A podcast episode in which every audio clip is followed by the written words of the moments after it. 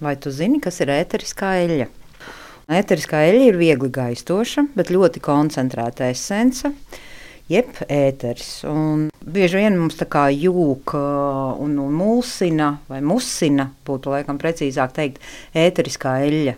Jo uzreiz liekas, ka tā ir kaut kāda eļļa, kuru var kaut kur zieķēt, kaut kur iemasēt. Ja? Bet tur ar eļļu patiesībā nav nekāda sakara. Tas tiešām ir tīrs, tīrs ēteris, kurš ir gaistošs un viņš pazūd. Un, ja viņu uzpilinātu uz papīra lapiņas, no sākotnēji parādās šis tauku pleķītis, bet tad, kad viņš izgaro, paliek pilnīgi tīra balta lapa atkal. Ja? Lūk. Tātad, kas ir auga ēteris? Tā ir substance, kas ir augiem, kas kalpo gan kā aizsardzības mehānisms. Ja kaut kādi kaitēkļi uzmetās, viņš uzreiz izgaro, lai atbaidītu vai lai brīdinātu savus sugas pārstāvjus. Arī tā mēdz būt. Ja. Un vēl lai arī pievilinātu, protams, aputeksnētājus. Ja. Tas ir tas, tas ēteris, tā netveramā daļa, kuru cilvēks ir iemācījies notvert. Tie iegūšanas veidi ēteriskajām eļļām mēdz būt ļoti dažādi. Gan ekstrakcijas, gan visādi šķīdinātāji. Bet, nu, es pastāstīšu par destilācijas metodi. Tā ir tā, ar kuru strādāju arī es pati. Un kura, manuprāt, ir viena no labākajām tādas augstas kvalitātes ētera iegūšanas veidiem. Tā pavisam īsi, jā, vienkārši destilācijas katlā, tā kā vakumā cauri auguma masai zem spiediena plūst karsts tvaiks kurš paķer līdzi ēteriskās eļļas un cita auga ķīmiskos savienojumus, kas ir vieglāki par ūdeni. Ja? Un tad strauji tvaiku atdzesējot, tiek atdalīts un notverts tas auga ēters. Iegādājoties ēterisko eļļu, noteikti uz pudelītes jābūt rakstītam simtprocentīgi ēteriskā eļļa un auga nosaukums. Jo nevajadzētu jaukt ar smaržeļām vai kaut kādām aromeļām, kuras ir paredzētas piemēram tiem kociņiem, gaisa atsvaidzinātājiem vai teiksim, sveču liešanā, kā aromatizētāji. Ja? Jo tās, kā likums, parasti ir sintētiskas izcelsmes un ar dabīgiem auga ēteriem tiem nav vispār nekas kopīgs. Ja? Un visbiežāk tie ir arī veselībai toksiski. un ēteriskās eļļas savukārt satura auga dziedinošās īpašības un tieši pozitīvi iedarbojas uz mūsu gan veselību, gan psihoemocionālo stāvokli. Tāpēc, piemēram, uzpilinot uz vatītes vienu, divus pilienus, teiksim, skuju koku, ja, pieņemsim priedi, ēteri, jūsu telpa piepildās uzreiz ar vērtīgām auga vielām, priekš elpceļiem, kā arī mazinās, teiksim, baktēriju izcelsmē telpā, jā. Un, um, Bieži cilvēki pat nenojauš ēteriskās eļļas to koncentrāciju, ja, to pašu stiprumu. Un par ēteru to koncentrāciju mūsu klausītāji var spriest paši. Un es kā piemēru teiksim, minēšu ja, visiem zināmo augu kumelīti.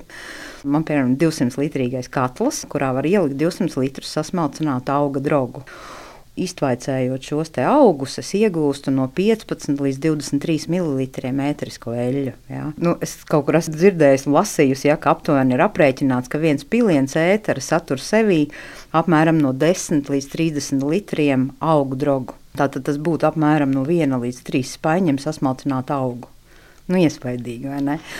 Tur ir ļoti stipri jāpadomā, tad, kad mēs pilinām tur, teiksim, pa labi, pa kreisi ar ēteriem. Ja, ja vannā jūs iepilnāsiet piecus pilienus ēterisko eļļu, tad tie var arī būt reizēm desmit spaiņi augu, ja samaltā veidā. Nu, labi, vannā tas varbūt tā nav tik, tik izteikti, ja, bet, teiksim, nu, pie sāls skrubīša, ja, ja piepilina.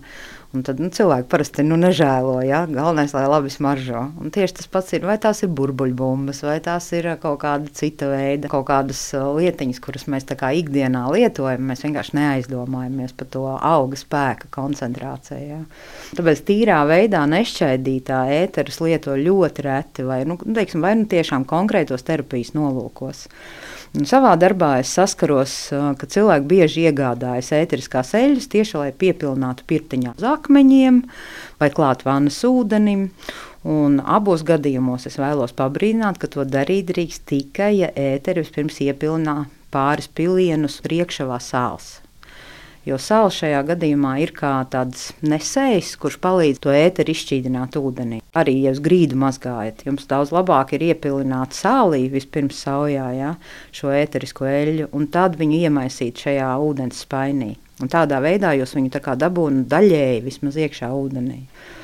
Savukārt, ja teiksim, pirtiņā, nu, tad es vispār saku cilvēkiem, ne, ne tikai neliet uz akmeņiem, ja ēterisko eļļu. Jo pirtī ir jāņem vērā, ka ir daži augi, kuri jau pat pie 40, 45 līdz 60 grādiem sāk piedegt, un no vērtīgiem viņi kļūst par kaitīgiem.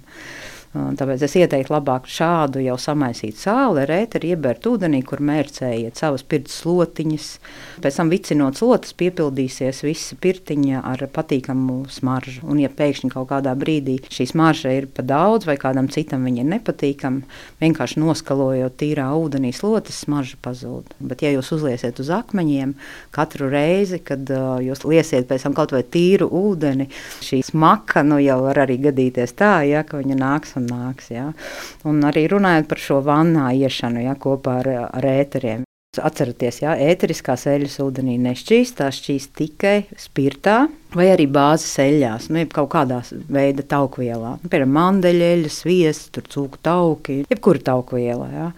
Un tad, lūk, tad šis sāls, tas, kurš tā kā te ūdenī, jo citādi, ja jūs vienkārši iepilnat tieši ūdenī, tas nostājās ūdens virspusē.